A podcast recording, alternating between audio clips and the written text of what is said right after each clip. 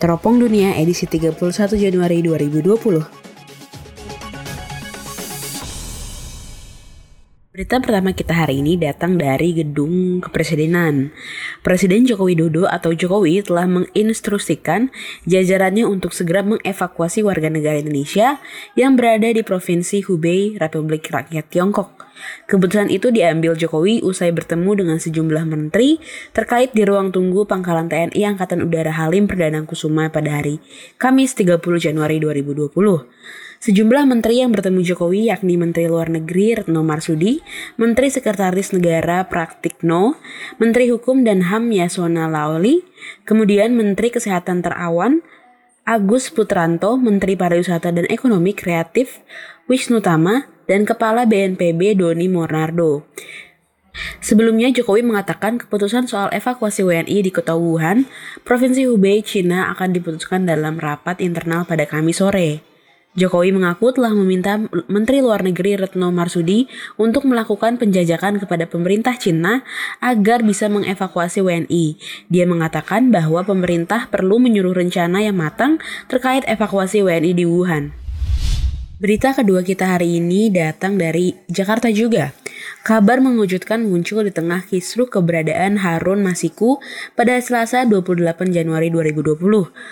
Menkumham Yasona Lawli tiba-tiba mencopot Dirjen Imigrasi Roni Sompi sebagai buntut dari kekeliruan data informasi soal kepulangan politikus PDIP tersebut ke Indonesia. Menurut Yasona, pencopotan Roni dan dari Dirjen Imigrasi untuk menghindari konflik of interest atau konflik kepentingan, yang mana Kemenkumham nantinya akan membentuk tim independen guna mencari tahu mengapa imigrasi bisa kecolongan data perlintasan Harun Masiku.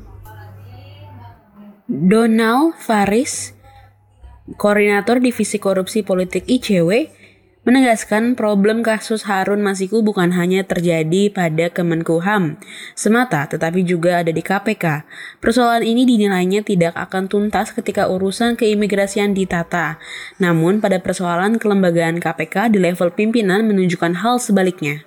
Sementara itu, Yayasan Lembaga Bantuan Hukum Indonesia mendukung pencopotan Roni jika didasarkan atas kesalahan sistem data imigrasi.